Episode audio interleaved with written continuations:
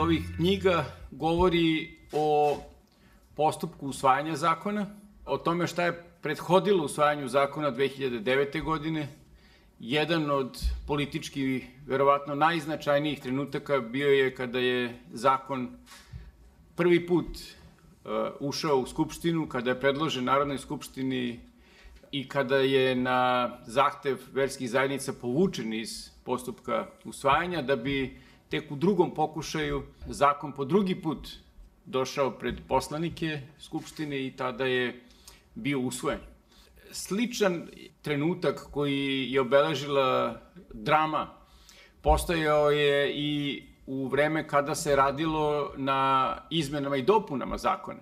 I ove 2021. godine smo mi imali situaciju u kojoj je na osnovu uh, samovoljne odluke ministarke došlo do uh, veoma dramatičnih situacija u radu onih koji su se bavili izmenama i dopunama zakona u radnoj grupi.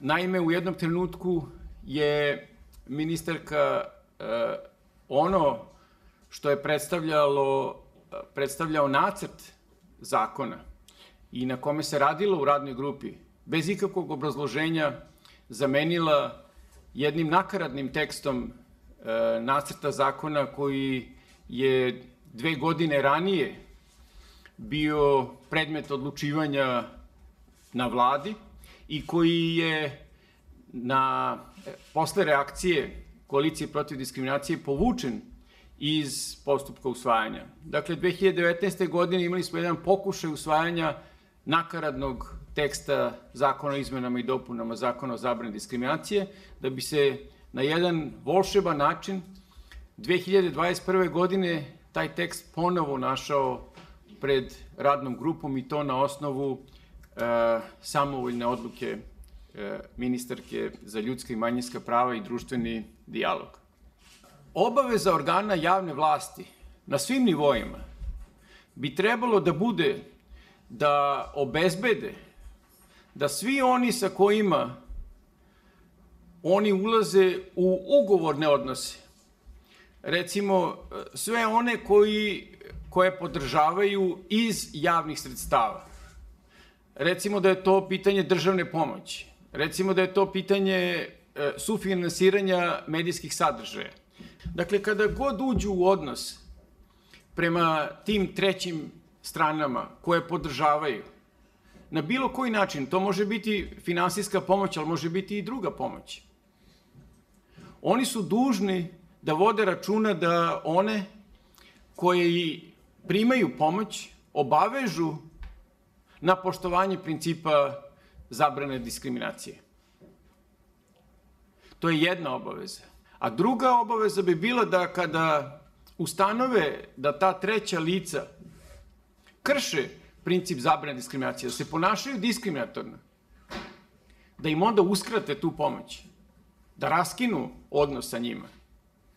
Mi smo kao koalicija protiv diskriminacije i takođe je Savet Evrope e, bio angažovan na tome, preporučili, odnosno predložili unošenje tih obaveza u tekst zakona.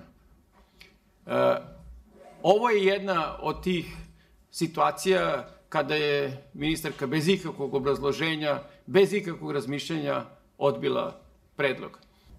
Imali smo slučaj da e, bivši ministar učestvuje, i to sedi u prvom redu, na promociji knjige jednog osvedočenog naciste. To je ta situacija o kojoj pričamo.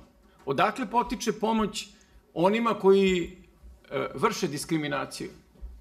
Pa potiče od strane organa javne vlasti. Ova odredba koja nije uneta u tekst zakona i to na osnovu opet eto samovojne odluke ministarke, bi mogla da doprinese da se takva praksa sa takvom praksom prekine. I evo, u najkraćem, kada se radi o izboru e, poverenika, odnosno poverenice, Narodna skupština je od usvajanja zakona četiri puta sprovela postupak izbora poverenika dve osobe su do sada izabrane na funkciju poverenika. U sva četiri puta nisu poštovane odredbe zakona koje se odnose na izbor poverenika. Flagrantno su kršene. I to na taj način da je na funkciju poverenika oba puta izabrano lice koje ne ispunjava zakonom propisane uslove. Kada se radi o poslednjem izboru poverenika 2020. godine, što se rasprave tiče, ono na što bih vam ja skrenuo pažnju jeste sledeće, da su svega četiri narodna poslanika na odboru diskutovala o kandidatu, odnosno kandidatkinji. I evo kako je to izgledalo. Kaže, ja sam pročitao jednu veoma impresivnu, zaista impresivnu biografiju. Prvo bih želeo da pohvalim vašu biografiju koja je impresivna i sve ono dobro što ste vi uradili u ovih pet godina. Da ne čitam dalje, četiri poslanika su govorili o kandidatu na ovaj način u ukupnom trajanju od 44 sekunde. Romska deca se sa diskriminacijom suočavaju već u, u prvim danima života, odnosno pohađanja škole. Romski učenici sede u poslednjim klupama. U prvim, e, god, e, prvim godinama u, to, u tom e, nižem osnovnom obrazovanju, njihovom obrazovanju se posvećuje manje pažnje, sa njima se manje radi i pruža im se manja podrška, iako zapravo dolaze iz sredina gde nisu mogli e, možda da, da steknu sva neka znanja koje možda do polaska u školu e, su mogli ili je bilo potrebno e, da steknu kako bi ravnopravno mogli da prate nastavu dalje, u, dalje tokom školovanja. Danas u odnosu na, na opštu populaciju u kojoj je procenat ljudi koji završe osnovnu školu 100%, 100% e, kod romske populacije to je 64 prema poslednjem istraživanju UNICEF-a i Republičkog zavoda za, e, za e, statistiku. Ono što je poseban problem u obrazovanju romske populacije jeste segregacija. Mi danas u Srbiji i dalje imamo nekoliko škola u kojima je najveći procenat dece romske nacionalne manjine. Romska deca su izdvojena u posebne škole, mislim, da li izdvojena namerno ili ne, to, to je splet okolnosti, blizina romskog naselja i tome slično. Ali u ovim situacijama država je najčešće e, previdela da učini nešto na sprečavanju segregacije. U nekoliko od ovih slučajeva mi smo se obraćali poverenici i to još e, ima tome nekoliko godina, e, ali u najvećem broju slučajeva poverenica je izbegavala da utvrdi diskriminaciju. U zakonu, u ovim izmenama i dopunama zakona od ove godine, e, e, segrega, segregacija je uvrštena u, oblike diskriminacije. Međutim, e, sama formulacija, ja moram da je pročitam, segregacija je svaki akt kojim fizičko ili pravno lice razdvaja bez objektivnog i razumnog opravdanja druga lica ili grupu lica na osnovu ličnog svojstva, dobrovoljno odvajanje od, od drugih lica na osnovu ličnog svojstva ne predstavlja segregaciju čini se kao da zakon legitimiše u stvari ovu situaciju koja je sasvim e, neprirodna i nedozvoljena, a to je da postoje romske škole, odnosno romska odeljenja. Jer sada se vodi računa o tome da se i jedna i druga strana saglašavaju sa time, dakle roditelji učenika se saglašavaju sa time da njihova deca budu razdvojena. I to je ono što je sad legitimisano izmenama i dopunama zakona, što je potpuno neprihvatljivo. Možda najugroženija grupa među svojim Romima svakako uh, jesu Romkinje. Jedna stvar koja posebno zabrinjava jesu deči brakovi. Deči brakovi uh, u, u Srbiji najčešće pogađaju pripadnike romske, odnosno pripadnice romske nacionalne manjine. Procenat Romkinja između 15 i 19 godina koje su, e, sad ovde govorimo o romskim naseljima, e, koje su u, u braku je 54. Ono što je posebno zabrinjavajuće kad je ova oblast u pitanju jeste to što institucije e, ne reaguju ili odnosno ne reaguju dovoljno. Šta to znači? Mi smo krajem prošle godine sproveli jedno istraživanje gde smo uputili centrima za socijalni rad pitanje e, da li su i koliko e, koliko su slučajevi dečih brakova imali i vodili i ako smo rekli da je 54% devojaka, devojčica iz romske zajednice starosti od 15 do 19 godina trenutno u dečijem braku, šta je problem? Institucije najčešće to, opet na osnovu jeli, predrasuda, da to najčešće pripisuju romskoj tradiciji i kulturi i prosto ne žele da se mešaju. Dakle, i ovde imamo neku vrstu sistemske diskriminacije, gde, gde ovaj, jedan problem koji je društveni problem i deči brak je pre svega kršenje prava deteta, a ne romska kultura i tradicija, institucije na taj problem gledaju na drugačiji način. Romkinje se suočavaju sa diskriminacijom u, mno, u mnogim situacijama. Ja ću samo navesti jedan primjer da u, iz istraživanja koje smo uradili, da u jednom gradu u Srbiji, odnosno u jednom porodilištu, postoji romska soba. E, to je soba za porodilje romkinje, e, gde se smeštaju sve porodilje romkinje i one e, tamo najčešće su izložene ruglu, omalovažavanju, pogrednim rečima, da, da kupe sapun, da smrde, ne dobiju podršku u tim prvim danima nakon porođaja oko, oko dojenja deteta i drugih stvari. Zakon, e, kao što mu i sam e, naziv govori, se odnosio samo na civilne e, žrtve rata i u njemu su određeni kriterijumi koji kumulativno moraju, dakle, svi kriterijumi istovremeno da se ispune da bi jedna osoba stekla status civilne žrtve rata. I ti kriterijumi su bili da je osoba morala da pretrpi stepen telesnog oštećenja od najmanje 50% u toku rata ili ratnog stanja od strane neprijatelja na teritoriji Srbije. Glavni uh, problem ovog uh, zakona je pre svega bio zato što uh, je on status civilne žrtve rata posmatrao na nivou socijalne kategorije. Dakle, nije bilo dovoljno da ste vi, da vi imate status žrtve rata, već je bilo potrebno da pored ovih uslova vi budete i materijalno neobezbeđeni, odnosno da nemate dovoljno sredstava, sredstava za život što je samo po sebi uh, diskutabilno jer uh, ljudi koji su uh, žrtve ratnih sukoba, oni kao takvi moraju da budu prepoznati, a ne da se podvode pod određene socijalne, socijalne kategorije.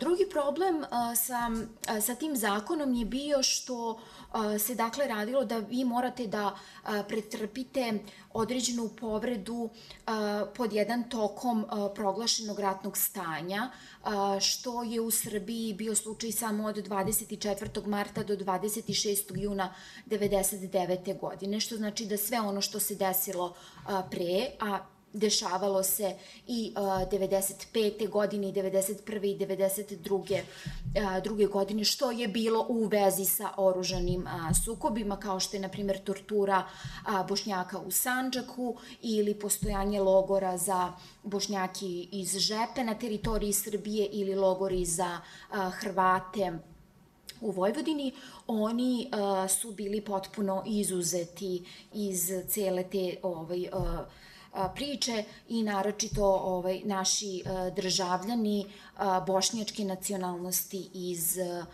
iz Sjeverina. Problem je bio što su oni tu povredu morali da pretrpe od strane neprijatelja. I onda je ovaj, lokalnim upravama je dato ta, na slobodnu procenu ko se smatra neprijateljem, pa tako, na primjer, Vojska Republike Srpske koja je odgovorna za otmicu i ubistvo u Sjeverinu se nije smatrala neprijateljskom vojskom. A, takođe, Ministarstvo unutrašnjih poslova Republike Srbije ili Vojske Jugoslavije nisu smatrani za neprijateljsku vojsku i samim tim, na primjer, bošnjaci koji su bili žrtve policijske torture u Sančaku nisu mogli da dobiju status civilne žrtve rata. Onda idemo korak dalje, a to je da sve i da ste pretrpeli povredu za vreme proglašenog ratnog stanja i od strane neprijatelja, vi ste morali da imate tu telesno oštećenje od najmanje 50%. To je samo po sebi diskutabilno, žene ili uh, nevezano da li su samo žene, mogu biti i muškarci, naravno uh, žrtve uh, silovanja, oni po pravilu nemaju telesna oštećenja. Njihova, njihov invaliditet je vezan za psihološke traume i samim tim one su potpuno a, izopštene iz ovog zakona i nisu mogle da ostvare taj, a, a, taj status. I na kraju dolazi taj teritorijalni princip, odnosno da je povreda morala da nastupi na teritoriji Srbije, što automatski znači da a, srpski državljani koji su pretrpeli povredu, na primjer, na teritoriji Hrvatske tokom operacija Bljesak i Oluja, ne mogu da steknu taj status kao i a, naši građani iz Sjeverina ili oni koji su izvedeni iz voza u mestu Štrpci, a nakon toga a, ubijeni. Dakle, tu imamo, a, tu smo imali jedan a, veliki a, broj a, ljudi, a, i, odnosno čitavih kategorija žrtava koji su bili izopšteni iz ovog, iz a, ovog zakona. A, mi smo došli do 2020. godine kada je a, zaista a, usvojen nov e, zakon. E, taj zakon se zove Zakon o pravima boraca, vojnih invalida, civilnih invalida rada, rata i članova njihovih porodica. I taj zakon je usvojen na predlog i na insistiranje predsednika Republike i ono što je najopasnije jeste da je on zadržao ova diskriminatorna rešenja po, u odnosu na civilne žrtve rata, ali uveo i neka dodatna, dodatna ograničenja. Za civilne invalide rata je najvažniji taj član zakona 22 koji propisuje ponovo da bi neko bio imao status civilne žrtve rata jeste da mora biti državljanin Srbije, ali ne samo državljanin, već mora imati i prebivalište Zadržano i to da mora postojati oštećenje organizma od najmanje 50%. I na ovom mestu ja moram da kažem da je, na primjer, za vojne invalide taj procenat 20. Naročito je strašno što svaki put kada govorimo o ovim temama ja moram da naglasim da mi nismo protiv toga da vojni invalidi nemaju taj status i da nemaju prava, daleko od toga, nego samo nije jasno zbog čega je za vojne invalide taj procenat 20, a za civilne invalide procenat 50. To je, to je ovaj pitanje na koje mi nikada nismo dobili uh, odgovor. I uh, ja bih ovde uh, još uh, samo tri stvari napomenula koje su to razlike u pravima između vojnih i civilnih, civilnih invalida. To je, na primjer, da, da bi neko imao status um, člana porodice civilnog invalida rata jeste da to može biti supružnik, deca i roditelji ako su najmanje godinu dana pre smrti živeli u zajedničkom domaćinstvu. Naprimer, taj uslov od godinu dana zajedničkog domaćinstva za vojne invalide ne postoji. Što se tiče prava, na primjer, koje ostvaruju vojni invalidi, a civilni invalidi ne ostvaruju, to je, na primjer, pravo na banjsko lečenje, nemaju a, pravo na medicinska, a, medicinska tehnička pomagala, što je vrlo ovaj, a, diskutabilno da civilni invalidi rata na to nemaju pravo. Nemaju pravo na putničko vozilo, i nemaju pravo članovi njihovih porodice na jednokratnu pomoć u slučaju smrti civilnog invalida, invalida rata. I ono što je meni bilo možda uh, naj, uh, najfrapantnije kada sam čitala zakon jeste da uh, na koji način se dokazuj, dokazujete da ste vi civilni, uh, civilna žrtva, civilni invalid rata, to je da moraju da se dostave dokazi o izvršenom uviđaju od strane policije i da izjava lica ili izjava sve dokaz, znači to eksplicitno piše u zakonu, se ne smatra za dokaz. Kada ste vi u, u, u jednoj situaciji rata gde vam se puca oko glave, kuća vam se pali, siluju vam ženu, maltretiraju decu, vas vode na streljanje, pa vrlo je mala verovatnoća da će postojati uviđaj, a još je manja verovatnoća da ćete vi dobiti zapisnik o izvršenom a, uviđaju. Ali a, e, zato a, vi možete da pronađete ljude koji će da posvedoče i da daju uh, izjavu da ste vi zaista bili žrtva uh, rata. Ali, eto, naš zakonodavac se opredelio za to eksplicitno u zakonu da piše da se izjave uh, žrtava i izjave svedoka ne smatraju kao dokaz. I to, dakle, ne znači ništa. Meni je to bilo naročito uh, poražavajuće i uh, mo, mogu slobodno da kažem i strašno, s obzirom da sam ja prisustvovala javnoj raspravi u Beogradu. Uh, ja, ja sam, na, na primjer, go, govorila o ovim problemima, niko to nije smatrao za problem. Uh, borci su imali taj stav, ja sam se borio i ja naravno da imam veća prava od nekoga ko se nije borio. Uh, I ono što je meni e, takođe bilo o, o, vrlo ovako simptomatično, što sam u publici i e, primetila ljude koji su e, osuđeni za ratne zločine i koji su izdržali kaznu i koji su došli da se bore za svoja prava. To je bio, na primer, Saša Cvjetan, on je osuđen za ubistvo civila u Podujevu 99. godine. To su bili neki ljudi koji su bili u publici kao podrška optuženima Pavlu Gavriloviću i Rajku Kozlini za zločin koji je počinjen u selu Trnje na Kosovu 99. godine. Mi smo se takođe u Fondu za humanitarno pravo suočili sa jednom vrlo bizarnom situacijom gde, na primer, su ljudi koji su pritrpeli povrede tokom oluje i koji su stekli status civilne žrtve rata a, na primjer, e, ljudi koji su ovaj, e, e, ubijeni u Sjeverinu nisu. I onda smo mi to iskoristili kao argument. I umesto da, da državni organ kaže u redu, pogrešili smo, evo status i ovim ljudima, oni su samo ukinuli status žrtvama iz Oluje. Tako da, on, da su ljudi izgubili status i to minimalno novčano davanje, a kada pričamo o minimalnom novčanom davanju, to je do 10.000 dinara mesečno.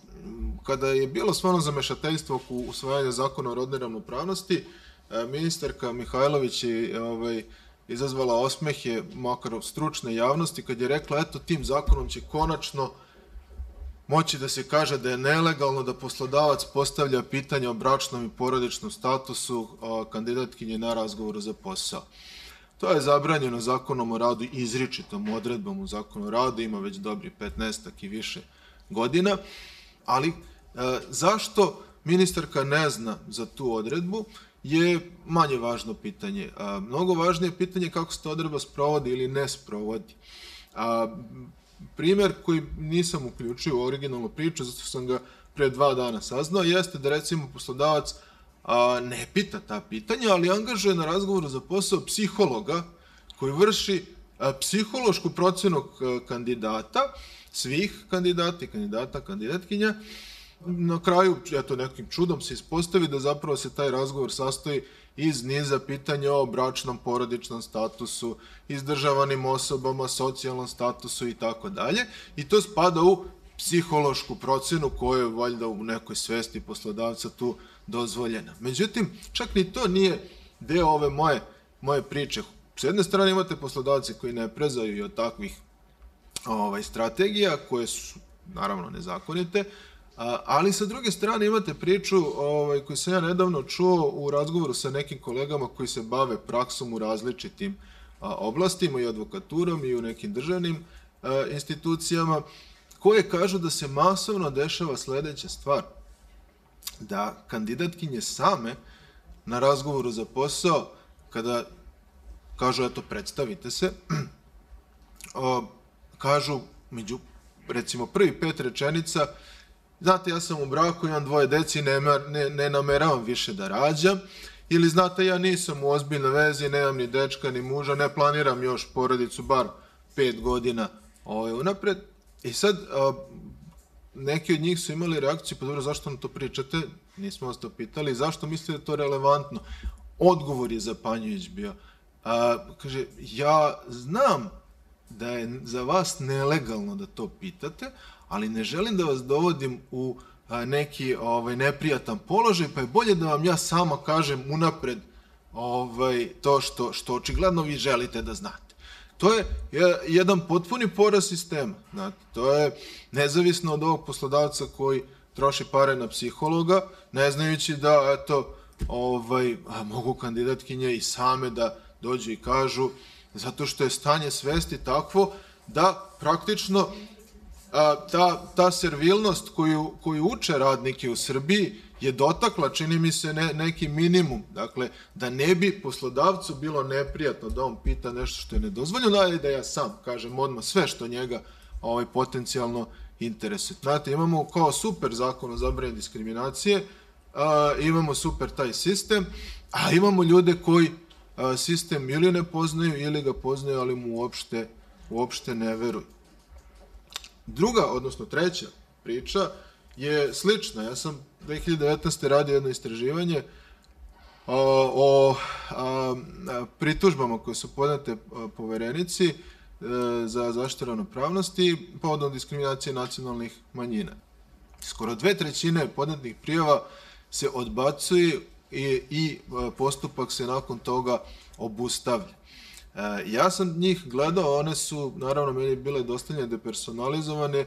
Šta je indikativno u tom u tom uzorku, to je bio dvogodišnji uzorak, dakle, mislim negde oko stotinjak e, prijava, ukupno možda čak i više, 62% e, odbačenih prijava su odbačene zbog toga što nije bilo dovoljno informacija da se postupak sprovede. I tu dolazimo do sistemske greške. Dakle, osoba koja može i ne mora puno znati o diskriminaciji, pošalje, ali osjeća na neki način da je diskriminisana, pošalje, podnese pritužbu poverenici, odnosno službi poverenika zaštite ravnopravnosti, ne navede sve potrebne detalje da bi se postupak sproveo, najčešće ubedljivo najčešće ne navede identitet onoga ko je potencijalno izvršio diskriminaciju, Dakle, samo opiše događaj. I nakon toga se toj osobi ostavlja prema poslovniku radu a, službe povrenika, ostavlja se 15 dana da dopuni taj svoj iskaz a, dodatnim, dodatnim činjenicama. Praktično ni u jednom slučaju, dakle od tih 62 odsto, gotovo ni u jednom slučaju se žrtva ne oglašava po drugi put ja nisam došao do dobrog zaključka zašto se to dešava i zašto izostaje, ali ono što sam sigurno došao do zaključka jeste da je rok prekratak.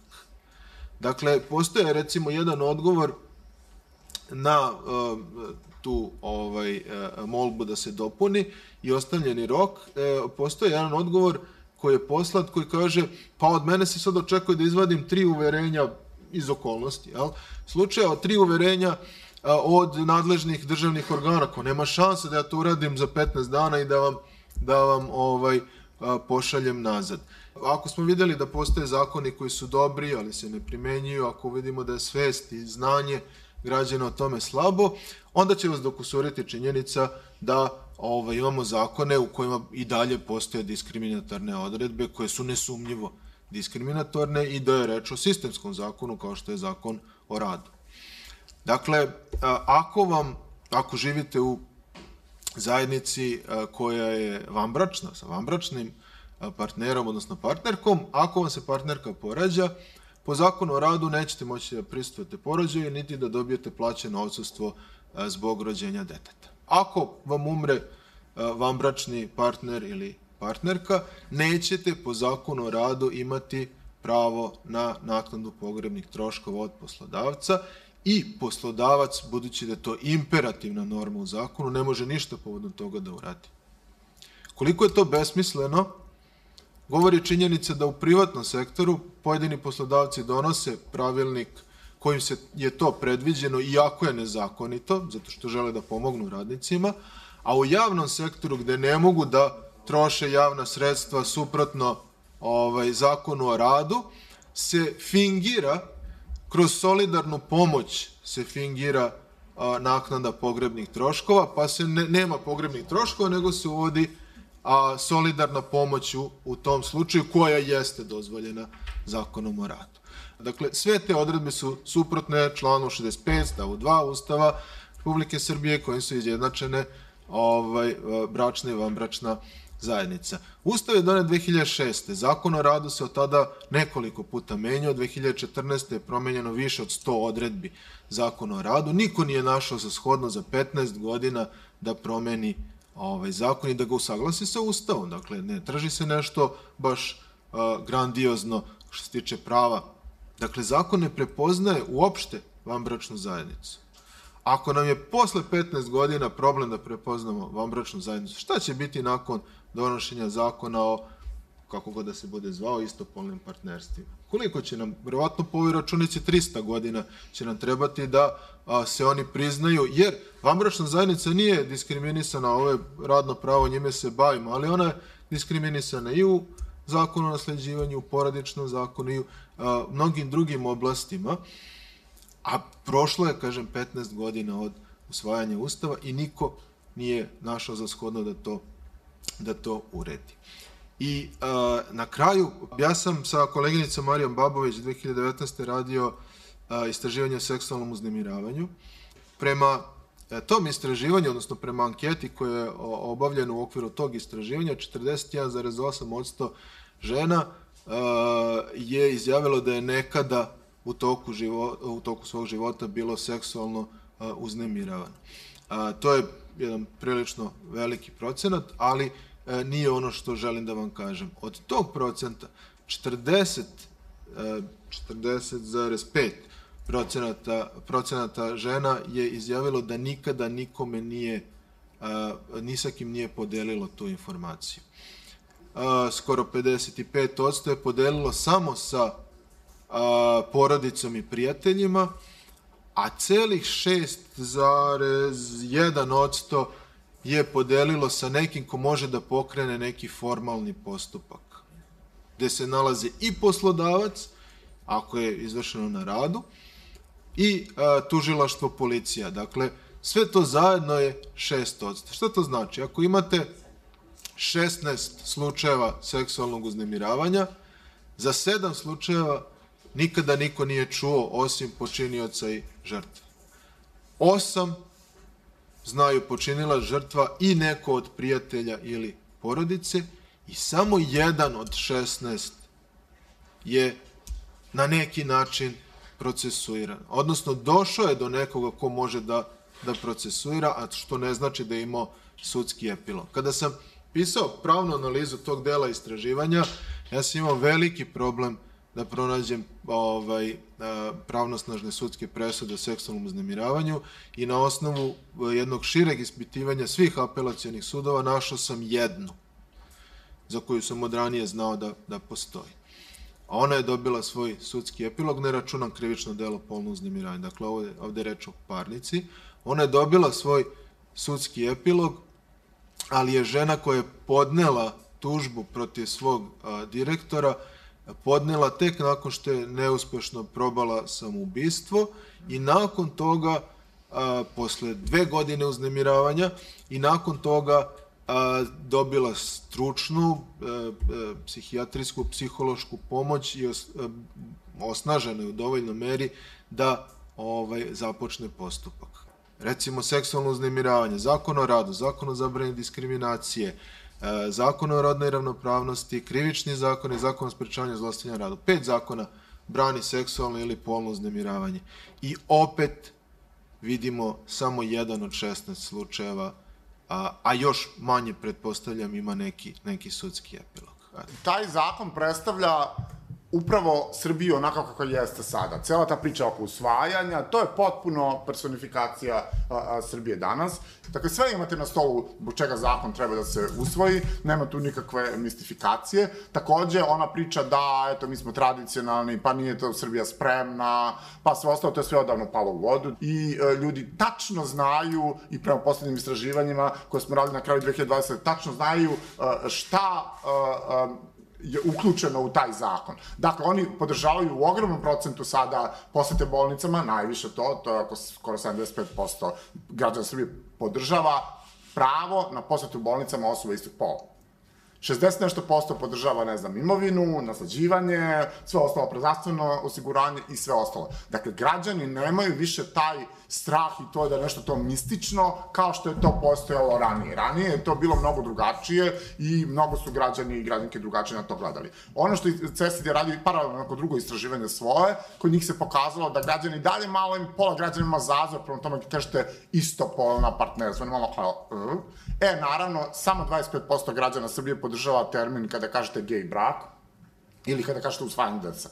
To je i dalje nešto big no-no za građane. Dakle, hoću da vam kažem da i taj deo lepeze koji moramo da imamo u nekom društvu da bi se ovaj zakon usvojio, i taj deo lepeze zadovoljen. Jer su nama stalno ranije govorili da nije vreme, nemojte sada, ne možemo, tradicije i tako dalje. Dakle, i to je, to je otpalo i ovaj, ja mislim da se dosta toga, da se stvorilo, stvorio taj moment uh, kada zakon može da se usvoji.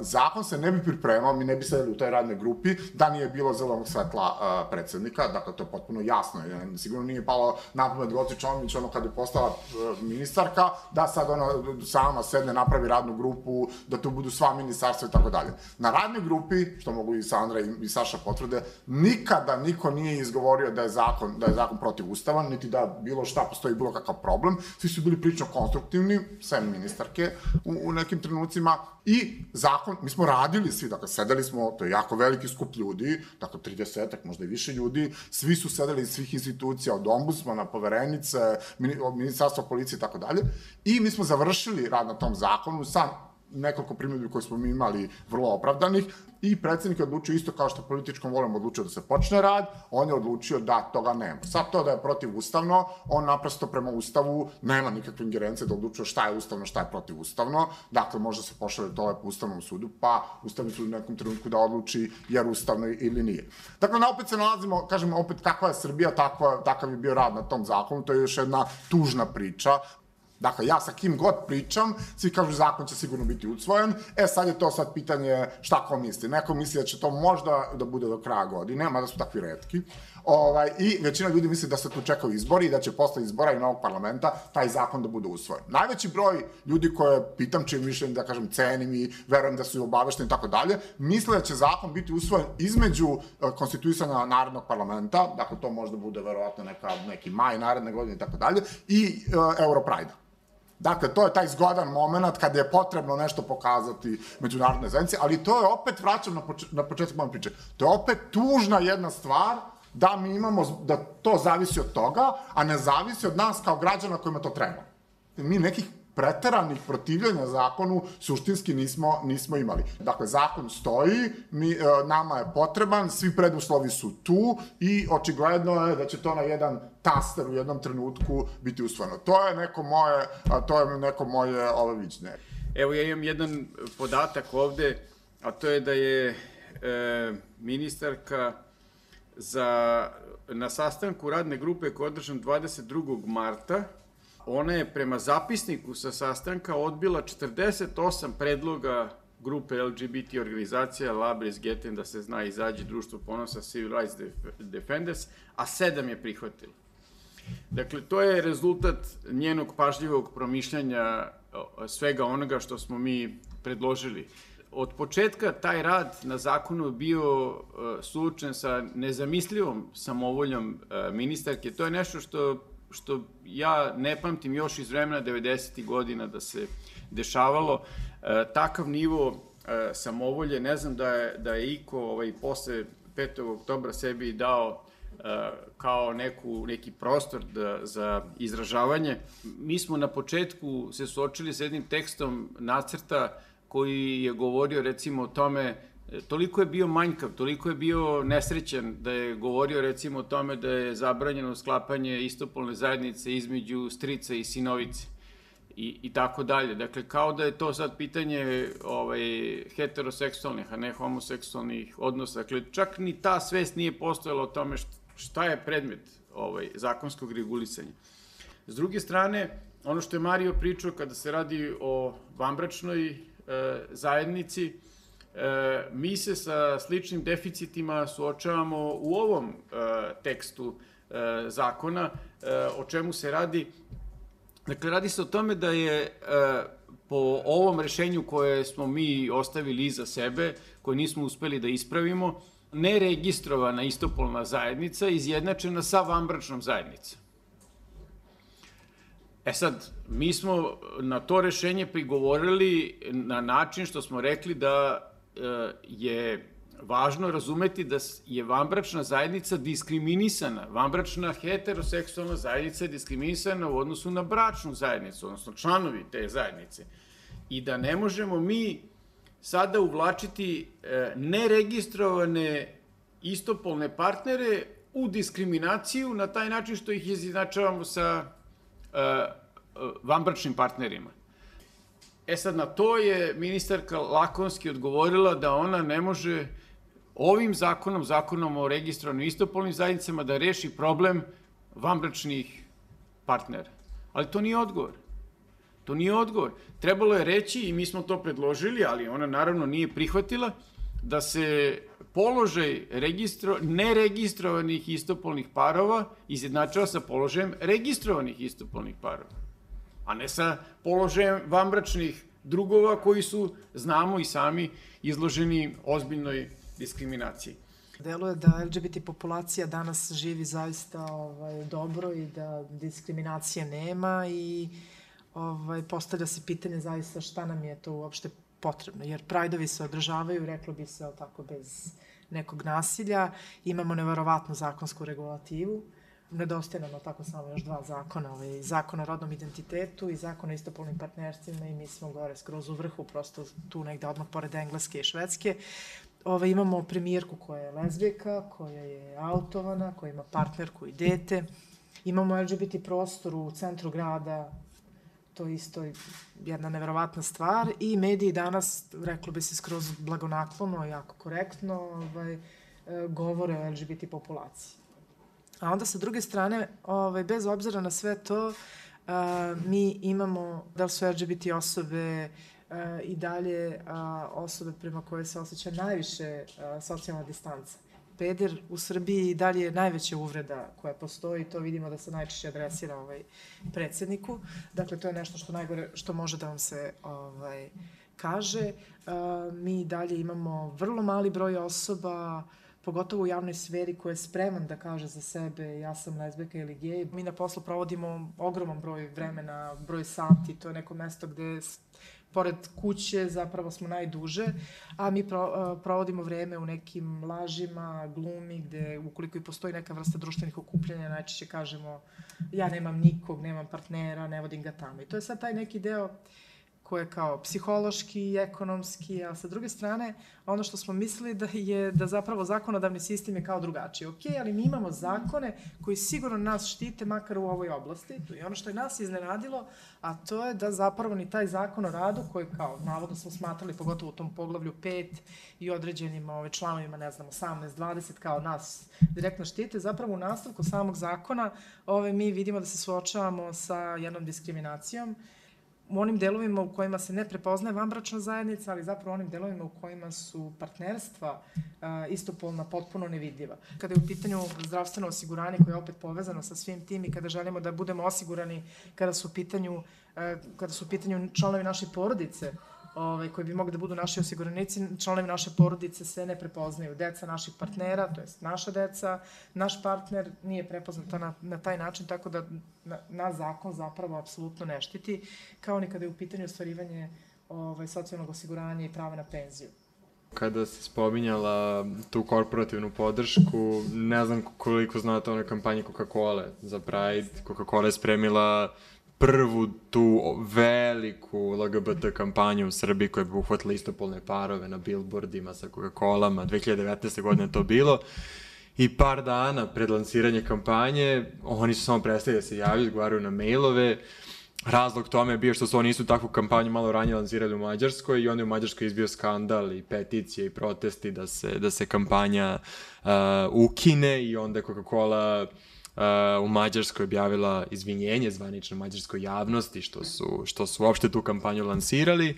I isto tako su samo odustali da podrže Pride na isti način, podržali LGBT zajednicu u Srbiji, jer je u Mađarskoj takva bila reakcija na kampanju.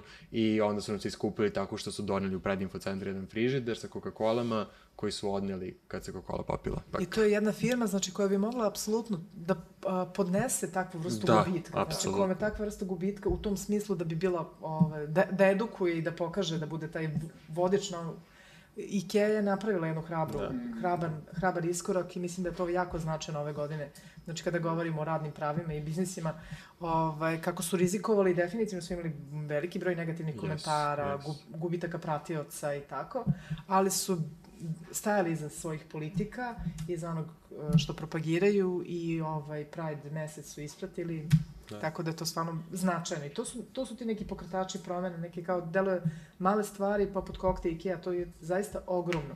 Pogotovo kada mi još uvek nemamo dovoljno osoba iz javnog sveta koja je spreman da izađe. Mi smo imali to kada je bio u pitanju a, organizovanje Pride-a 2010. ne, 2009. veliki broj javnih ličnosti Između ostalog tada je bio i ovaj, Bjelogrlić, e, i Đuričko, e, Mirjana Karanović, ali ono što su doživjeli te javne ličnosti koje su izašle za naša prava i bile deo te reklame, zapravo je bila salva svega onoga što mi doživljamo svakodnevno. You.